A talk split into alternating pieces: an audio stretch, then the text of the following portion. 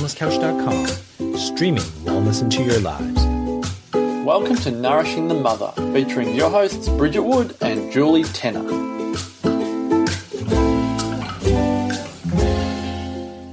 Hello and welcome to Nourishing the Mother. I'm Bridget Wood. And I'm Julie Tenner.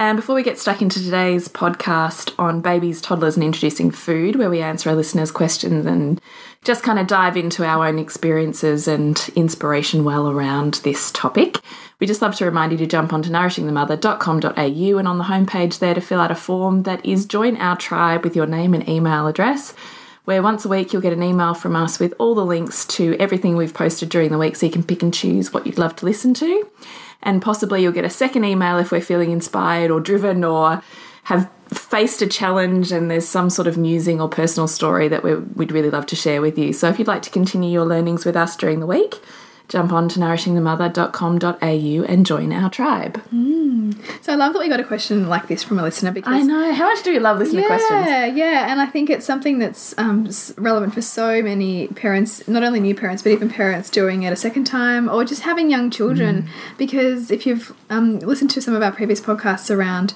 aware parenting and, and looking at um, children and the way that they control things or try to control things through food, food is such a multi-layered topic. Mm. It's not simply the nutrient component. It's not simply our beliefs around food. It's also what is the resistance creating in our child based on our own belief systems mm. to do with the food. So what I really want to tackle is is the the practical component around how to introduce the food. You know, so whether it's the different different concepts, so yeah, yeah. baby led weaning versus you know mm. spoon feeding, yeah, um, and then also looking at um, why perhaps you might have to reintroduce foods constantly to a child and what what's coming up for you around yeah. that because like we can bring the concept of the mirror which we talk about in loathing to loving into this topic because that dynamic is so perfect for both of you this whole food, around the food thing sounds like you've got such a well of inspiration with it at the moment oh, i think i'm just because you're just immersed i'm in immersed it. in it with yeah. both kids right like yeah. i've got a four-year-old and a nearly one-year-old and and can't believe she's nearly one i know right like i can't believe that either So I've, you know, in fact, I'd forgotten so much. I'd forgotten so much around food. And I remember saying to you when she was about five and a half months, oh, do I have to? Like, it yeah. seems like so hard. I don't know if I can be bothered because yeah. you know, breast, breastfeeding on demand is, or you know, just becomes easier. Just becomes it? so easy. Yeah, you know, yeah. particularly if you know you don't you think of anything, you don't have to plan anything, you don't have to pack don't anything, take anything anywhere.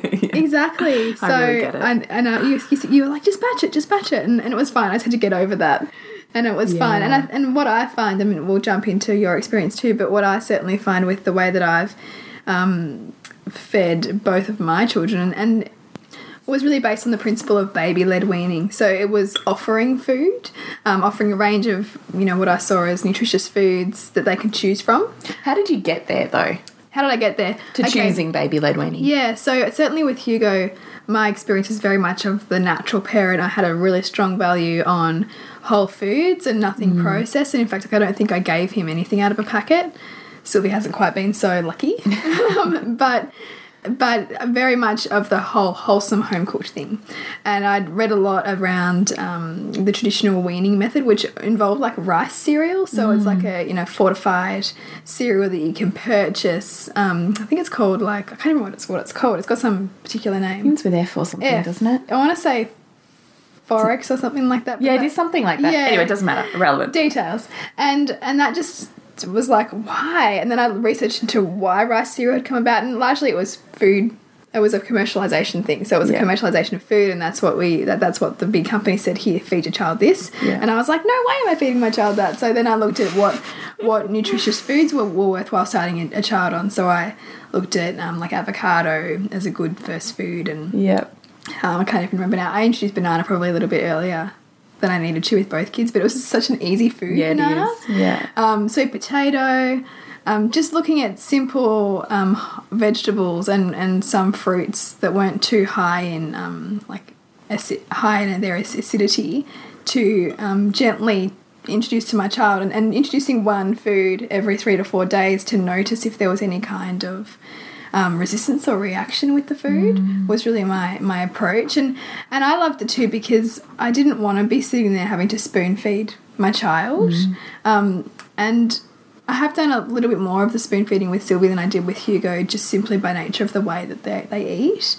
Like Hugo is very happy just to to f- touch and feel everything and really fed himself very well through that method. Whereas some sometimes Sylvie does need to be spoon fed and just that she enjoys that process. But I, it's like anything. I think when you're trying to take a, a conscious approach to parenting, is that your child will often lead the way and they lead the way with food and, and and they don't tend to to eat things that they're not ready for or that they're not particularly interested in mm. and i remember reading a book um, there's a book called baby led weaning i think it's by gill rapley i'm trying to remember if that's her name we can put this in the show notes but she her her thinking was um, food before one is just for fun.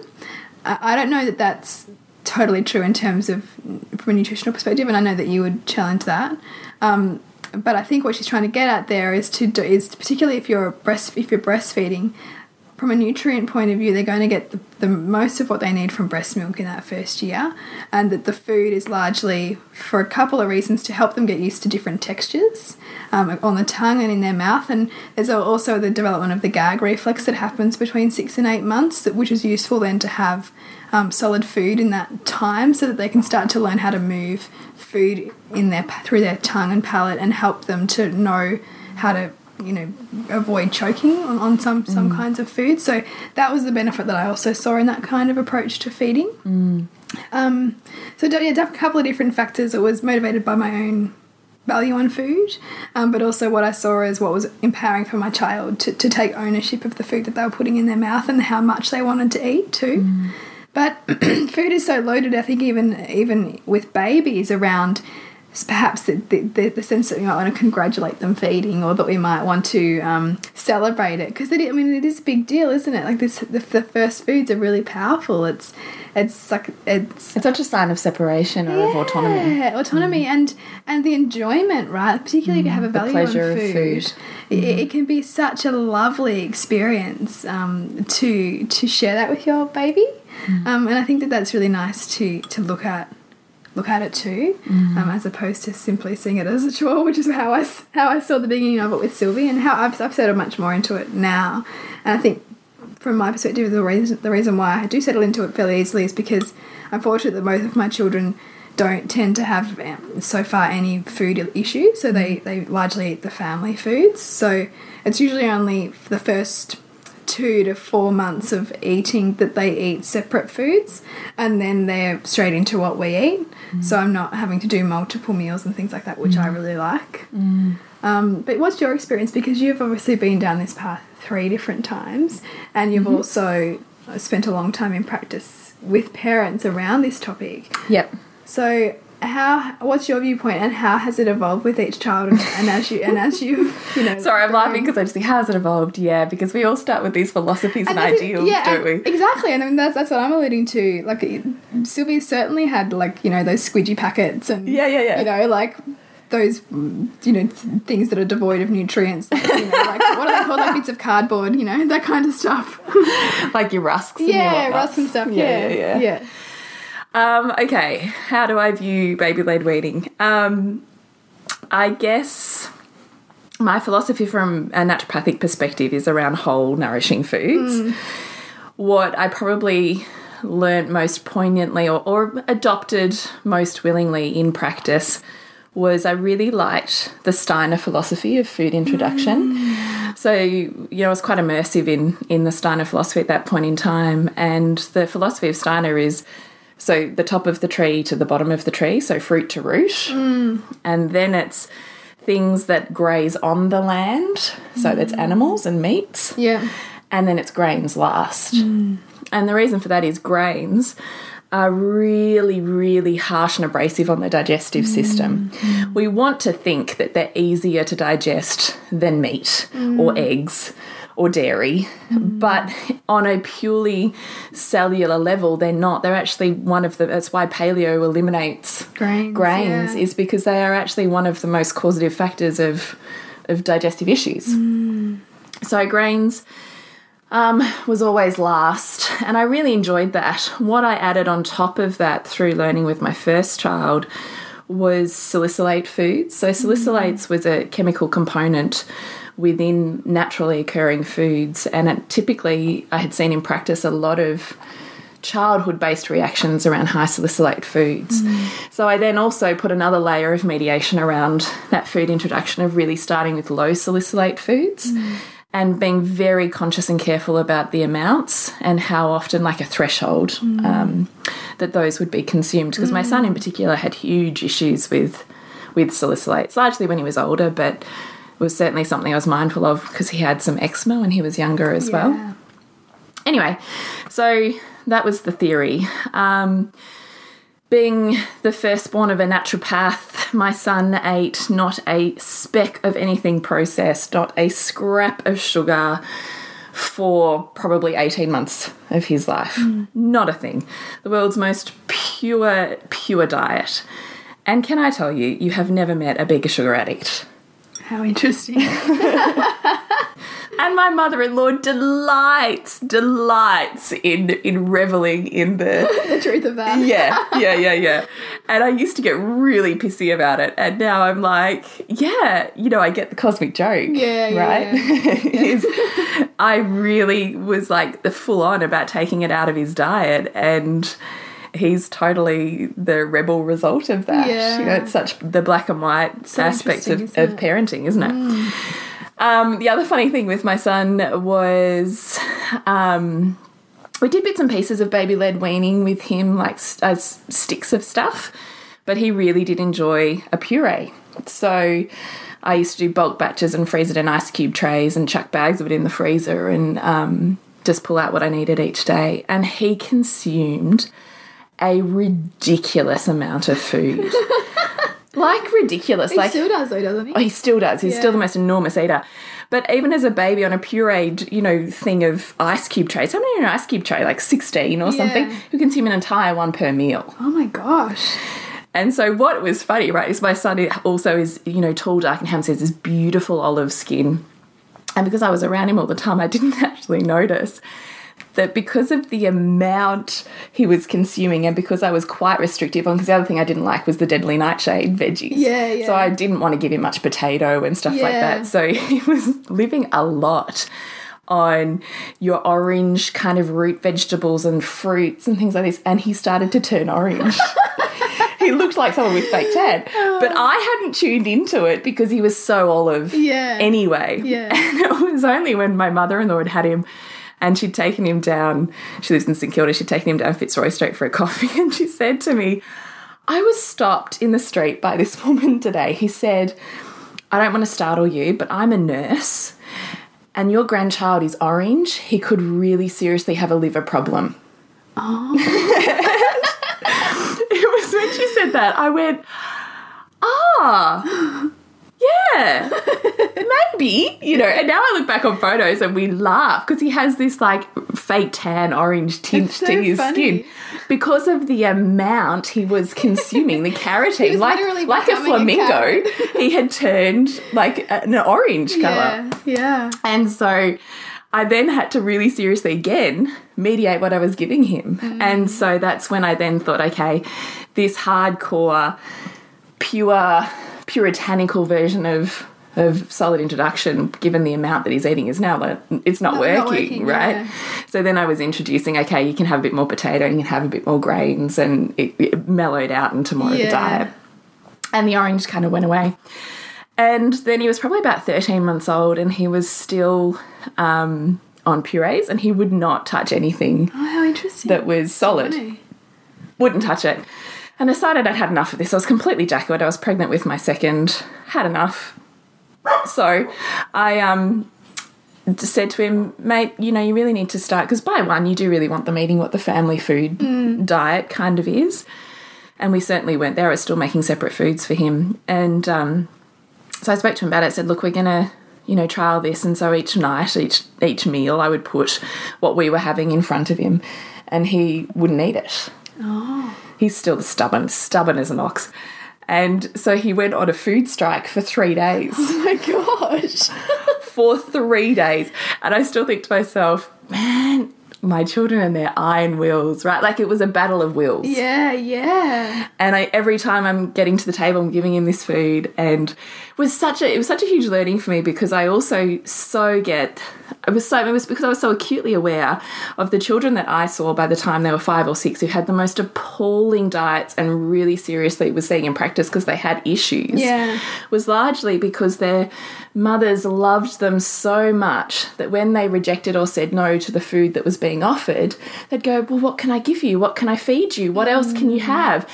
And so it was this constant looking for whatever the kids would eat. Yeah. And so largely then diets became child led. Mm. And so you end up at five or six living on frankfurts White- and white white, bread yeah. and I'm not sure what else, Slurpees. You know, like these were literally the diets that I would end up seeing. And so I was also in my head going, that will not be my child. so I'm going to win this battle. so three day strike, right? And I really had to face myself in that because Yeah. that for me, you know, food was such a sense of self and love, and here it was being rejected. Mm. And I had put in all this time and effort and spaciousness to create this amazing meal. And you weren't even touching it. Like it was this, like you really have to face a lot of yourself in that. And then at the same time, you know, casting head going, if he doesn't eat, is he going to be okay? Is he going to sleep at night? Am I going to have a shock? Da, da, da, da, Yeah. So you kind of puff it all out, and you it really forces you to to look very deeply at at yourself and what was going on. Anyway, I was still breastfeeding him at the time too. So three days, and then he gave in and he started eating. And um, then he just ate normal food from there on in, and you know he's been fantastic, incredible eater since then. Um, but I do laugh now. Now I realise that was such a learning with him. So then with my second, I was like, well, I'm not doing this puree thing. I'm going to do baby led, you know, weaning it. It's all going to be finger food and sticks of steamed whatever and blah, blah, blah. And so I spent a lot of time researching that as, as a concept. And then the home birthing midwife I had at the time was quite a, um, you know, ancient feminine archetype, long time in the home birthing kind of institution. And she really challenged me on it. oh, did she? Yeah. And she, you know, which I totally took with humour as well because she laughed at me. She goes, such a ridiculous notion. If you put a pile of dog poo on their plate, they would pick it up. That's a good point. and I laughed like that and I went, yeah, fair call. yeah, yeah. yeah. So how much of baby led weaning, you know, revolves around this concept of they can tailor themselves around what they can and can't tolerate digestively. I don't know. You Yeah, know, yeah, yeah. Like you've got to kind of challenge the philosophies. Yes, True. they're there for you know, yes, consider the philosophies, but also check them. Sometimes I, gue- I guess it's also. I guess for me, I see it almost as the difference between, in, in essence, putting the food in their mouth for them versus allowing them to be tactile. Oh, absolutely. food. And the other thing with food is food is, is very much a sensory experience. And so what you will find is older um, children and certainly adolescents with eating disorders also have, have texture aversions because they've never had the opportunity to play with food. So part of, you know, really working with finicky eaters, picky eaters, um, girls that are anorexic, boys for that matter, is to take them back to the sensual, sensual aspect of food. So you are mm. literally starting with, you know, peeling a kiwi fruit and getting them to hold it and feel it and, mm. and get comfortable with sensation.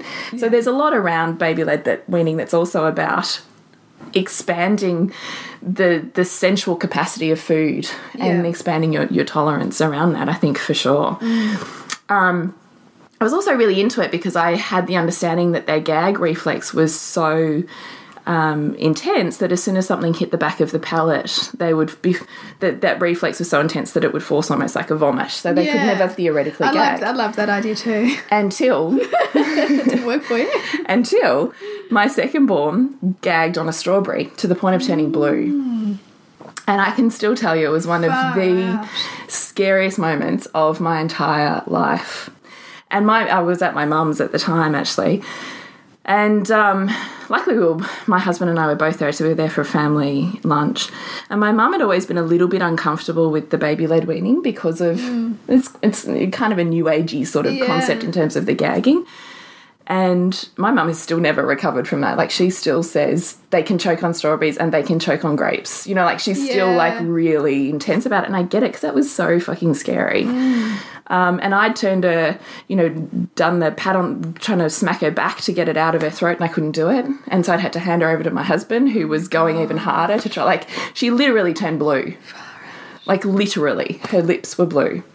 And in that moment, I just thought, fuck this shit. Totally. like, you can have all the philosophy you want, Was it right? a whole strawberry? Was it? Or? yeah, it was a whole strawberry. Yeah. How old was she? Um, how old was she? She probably would have been about 13 months as well. Yeah. God. Yeah. Yeah, grape. I, I steer well clear of grapes for a long time.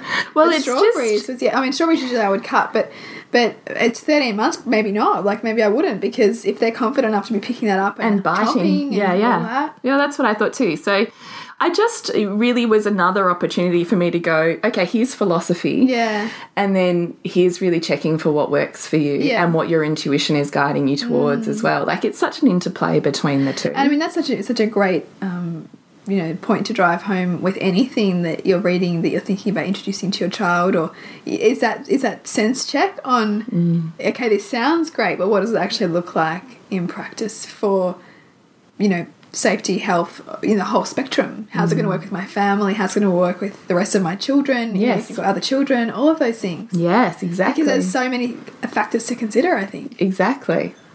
So, and then my third born, um, I still really enjoyed the Steiner philosophy and certainly still introducing grains last. So, um, that is how we initiated that. And she was definitely a mix between what was more convenient for me and what was more convenient for her. We're on the road a lot more, so she had a lot more finger things simply by virtue of me not being able to be there and feed her. But when I was able to be present at mealtime, I would feed her. Mm. And I do think there's a lot to be said for the presence that we bring mm. to mealtime as opposed to strapping them in. I think the, the other thing I have with baby led weaning is it's very easy to strap them into a high chair, plonk some things in front of them, and walk away. Yeah, it's true. Yeah. And I think we miss in doing that the connection and the um, just the, the other aspects of food that come into bringing digestion in, doing the one thing, connecting and settling, making it an experience that's enjoyable. And in doing that, you're also setting up patterns and role modeling role modeling and expectation for meal times mm. that we sit to eat. We don't walk around and eat. Mm. Our cutlery stays on the table. You know often kids throwing food or whatever it is is also because they're not feeling the presence and the connection at mealtime Yeah. Yeah. so I just think it's, you know, I think with her it was probably a bit more of what we could manage in a family mm. dynamic, but I was more conscious of of that connected hmm. facet. And by and, and was with my older kids by then as well that hmm. meal times are to some extent a sacred space where they can be. They can't always They be. can't always be, and I think it's also f- often choosing the choosing the mealtime that will work the best for that. yes. Like for me, it's dinner usually. Um, with my kids, and I mean, I love what you said. You said about said about about the, the grounding nature of the food and what Mm. comes with feeding. Like even today, because obviously soups, I, I let Sylvie play with little bits of soup just from a from a sensory point of view, like almost like a finger painting. But I will spoon feed her the soup, and because she's sick at the moment, I was really like visualizing as I was spoon feeding her that being a healing soup for her and, and mm. really looking at the energy that comes with not only the food but the but the intention with which me feeding her mm. sends her. Mm. And that can't be underestimated. No, and this is the thing also with with ritual around meal times. It doesn't matter if you're in, you know, a Steiner philosophy or a religious background or whatever it is, but creating intention around mealtime being a blessing, a prayer, a mm. thankfulness, you energetically change that food. Yeah, Right? yeah. I mean the cellular structure literally resonates differently with a food that's been left in prayer mm. and food that's just been plonked in front of you whatever. yeah, Yeah, yeah, You know, I mean, we all know this. We energetically feel the nourishment when mum's cooked us that meal with love and intention Yeah. versus you're rushed after work and can't be stuffed and you're angry Yeah, or yeah. whatever. We all know the energetic intention. There's a lot to be said for that, for, Mm. for prayer, for manifestation, for gratitude, that you energetically change the, the water crystalline structure within every aspect of food, and therefore what you would consider unhealthy food can theoretically become very healthy food, and vice versa yeah depending on the energetic exchange. and I mean that's a good point to, to make too. I mean, if if you're if you've got this ideal, and I'm pretty sure I aspects of, of me had this around it needing to be perfect, organic, like you know, cooked from scratch every time I feed Yes. my son, and I'm stressed about that and There's me anxious. too. Yeah. Then that's not actually necessarily going to be as beneficial Yeah. to hit to, to your child because because the, that food is not embodied with um, with a groundedness. It's not embodied with a um, a strength and intention and a nourishment. If you're kind of harried and crazy and anxious about it. Um, and that's that, that's for for everyone at every age. You know, if it becomes about a control about control, and you've gone so far black and white about it, then how, how much healing is there in that? No, I totally agree with that. I think there's a lot to be said for, you know, what is beyond the physical food Yeah. itself. Yeah. And you know that all starts with creating intention around the mealtime as well. And as we as we kind of have touched on before, I know you wanted to talk about you know potentially the the um, reflective self aspects of Yeah. introducing food to our children and what that brings up for us and with us. Did you want to kind of go there? Yeah, I mean, like at the moment, particularly with my son who's four, he's got a whole thing around how much, how many more mouthfuls do I have to eat. Yeah. So he's got this thing going on, like how Yeah. many more do I have to eat so that I can either a finish and go to something else or or have my treat. Mm. And it's a really tricky one that we found ourselves in because we want him to eat the nourishing food, but Mm. I also don't want it to be that he's not listening to his body and he's simply just doing what we want him to do. Yeah. And food, because of what our own beliefs and stories that are wrapped up in it, which all of us largely would have been told if you don't eat all your dinner, you don't get your dessert, or you know, you've got to finish everything that's on your plate, Mm-hmm. or whatever, whatever those patterns were and those beliefs were. It can become a very, very hugely ingrained in the 70s, Oh. 80s, maybe even into the 90s, I'm not sure. yeah, But certainly in the mothers that I've worked with, absolutely that whole, and they still carry it, right? They've got to finish their plate, no matter whether. So they're overriding their body signals in order to finish the plate because it's such an ingrained. And my mum would still like you would get that meal for breakfast, lunch, and dinner until it was finished. wow, You know, like so it's intense. Yeah. It's intense, and lots of us have have still carry that today, and we can't walk away from our plate with food on it. Mm. So it is really interesting to consider what is the the um, I don't know the belief that we're setting around listening or overriding our body signals. And young children, babies, they have absolutely, I would say, under the age of five, they have the ability to self regulate kilojoules in, kilojoules out. So this is also why I say, um, sorry, excuse me, you can't ever look at a child's diet over a day. You can't make an assessment on their nutritional intake or output based on one day's diet because, as we all know, on one day they could live on air, and on the next day they could eat like a horse. Yeah. And depending on which day you chose to take that diet record, would depend on how you viewed that child's health, Yeah. right? So you've got to, with children, actually look at a complete week's diet. Mm-hmm. So a full seven days, what's going in, what's going out. And you should you should get a pretty good indication from that. What you will find is that children left to their own devices, no matter what their bodies are going through, illness, growth, um, you know, you name it, they know exactly intrinsically kilojoules out and how much kilojoules they need in to match that. Where we go wrong is with sugar. So, kids' diets is kilojoules in, kilojoules out based on energy requirements to do what they need to do to grow and be. So, we could give our child a juice and a lollipop and a piece of fruit, and they would have as many kilojoules as if they sat down and ate rye bread bread with egg and avocado and feta. yeah, You know what I mean? yeah, yeah, So we have control over our children's diet by offering quality food. Hmm. The rest is up to them. You choose. It's no worries. You listen to your body. It's no problems. Hmm. But here's the quality options. That's, I think, the mm. point. We stock the cupboards, mm. let them choose. yeah. But I mean, it's really interesting, isn't it? Because uh, already, you know, because we're having a lot of conversations with Hugo around. Um, because he he had the great experience of feeling quite sick. He had the great experience of feeling constipated, which I saw as a wonderful learning curve.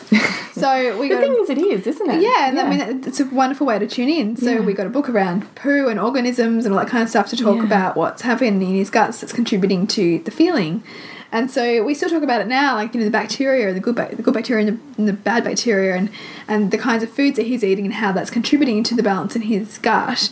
And and but I still find it difficult not to put the value judgments around food. Mm. And um, you know, I really don't want to do the good bad food thing, and I really try to talk about it in terms of sometimes foods. I mean, we choose this, Yes. these kinds of And foods, which is what they try to do in kinder as well. Sometimes foods, always foods. Yeah. Blah, blah, blah. but it's amazing how much, even for a you know largely whole food, pretty much pantry that I have, how much high sugar things he manages to squeeze into his day. yeah. You know, like Dried fruits. dried fruits. Yeah. like so much dried fruit. So much sugar. Yeah, and it's Yes. loaded with sugar. Loaded with sugar. And he and he will look for any sweet thing all the time. And Yeah. I don't know if part of it is the kilojoule requirement or part of it is the what I wonder is like a control pad for him around how much I breastfed him as a, as a baby Mm. because he pretty much whimpered and I breastfed him. So he he has this pattern where sometimes when he's got really really big feelings he will Sugar. he will go to sugar. And my son too, my oldest, Yeah. which is interesting actually. Yeah. So so I, and I still don't know how I sit with that sometimes. You know, I still have to check in and go, how how okay am I about him having that lolly and then this that and then that and and I wanted him to have take ownership of his body, which Mm. also means taking ownership of what goes in. But I- as his mother, I also need to have governance because he doesn't have the brain capacity and development and, and all those kinds of things that I have and, and have a responsibility for um, to to provide in terms of, of nutrition and nourishment. So it's a fine line, I think, particularly um, when your kids hit kinder and school and, and they're so faced with that outside pressure of the processed food, of the you know constant sugar at, at your disposal, to really help them tune into what um, is nourishing for them. It is interesting, isn't it? Mm. And here's the thing with my third, she's had the most processed, most sugar out of any of my three, Mm. and yet she's the one who doesn't care less about them. So you were over the other day, and she randomly we'd found this old handbag of hers that I'd found at the bottom of a toy Yeah. box that morning, and she found some lollipops in it, and I was thinking.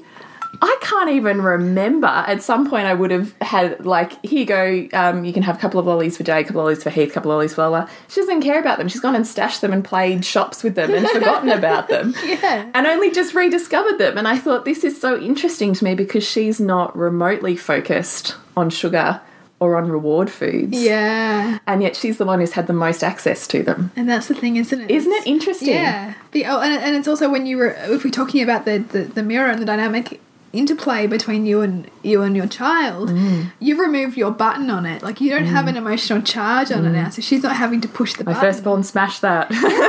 but that's right. And I mean, each child and each age takes us to those different edges of ourselves around our own belief systems and our patterns and our resistance. Mm. You know, I even remember like Marcus and I used to get frustrated because Hugo as a baby would throw stuff off the high chair. And we like took it personally. yeah. right? Which is like such a baby thing to do, but I think because I'd put so much effort into making this food, and it just felt like it was being wasted. Um, and that was the button I had to work through. And and kids are taking us to this all the time. And I mean, food's a classic way to do that. I mean, food and behavior and, and the whole power over powerlessness dynamic that happens with food is interesting too, because it's so often there's this talk a lot in a lot of mainstream literature that you might get from the maternal child health nurse that says you know you might need to introduce a food 24 times or something um, because they sometimes they don't like it or you know whatever it is. But And taste buds change. taste, blah, blah, blah. yeah, but there's also the whole mood thing too. Mm. Like sometimes they just don't want it because if they're not interested in what you're presenting to them beyond the food right? Like if they're angry mm. with you they don't want to eat the food you've given them. Mm. Or if they're sad they don't want to eat they want something sweet instead. Like there's such a emotional component to the food um, as well and, and it's one of the very few things that children can control. I mean they can't control much else um, that happens to them apart from what they put in their body. So it's such a it's a minefield really for for for them and for both of you. If, if there's if there's real pain points i think around it which you certainly would have seen in, in practice i'm sure Oh, absolutely. I think food is one of the biggest challenges, but it's because it's so intertwined with self. yeah and with value and worth. Hmm. And we all know how hard it is just to get a meal ready at the end of the day. And particularly if you're a conscious health foodie, hmm. you largely have spent a huge amount of time, effort, you know, mental thought yeah to produce that meal. And to have it rejected feels like a rejection of you. yeah So there's just so much entangled in all of it that it's, you know, it, it can get really complicated. So um, I really love that you've touched on that is is looking at what's actually reflected emotionally with our kids in the types of foods and the way that they're seeking and the way in which they're seeking them. and it calls us into what is going on for us, what is that reflective of, and what's our boundary. Because the stronger our boundary, the safer kids feel into that. So, uh, you know, I just think that probably brings up all of that stuff. Nothing like food to do that. And I think, I mean, food. The great thing with, with within food is that there's also an opportunity to bring um, a level of choice too with young with young children. I mean, um, you know, to put out the the platter of, of mixed, you know, nourishing foods for them to pick off what they want. For example, for the for the older baby or toddler. Um, or for the you know four year old like my like my son, and then that means that it can take away some of the the, the power stuff that can that can sometimes happen at the table, um, and can uh, can alleviate some of that that resistance sometimes, and then it yeah, gives them some more choice, which is which is often a lot of what kids are seeking. Yes, definitely.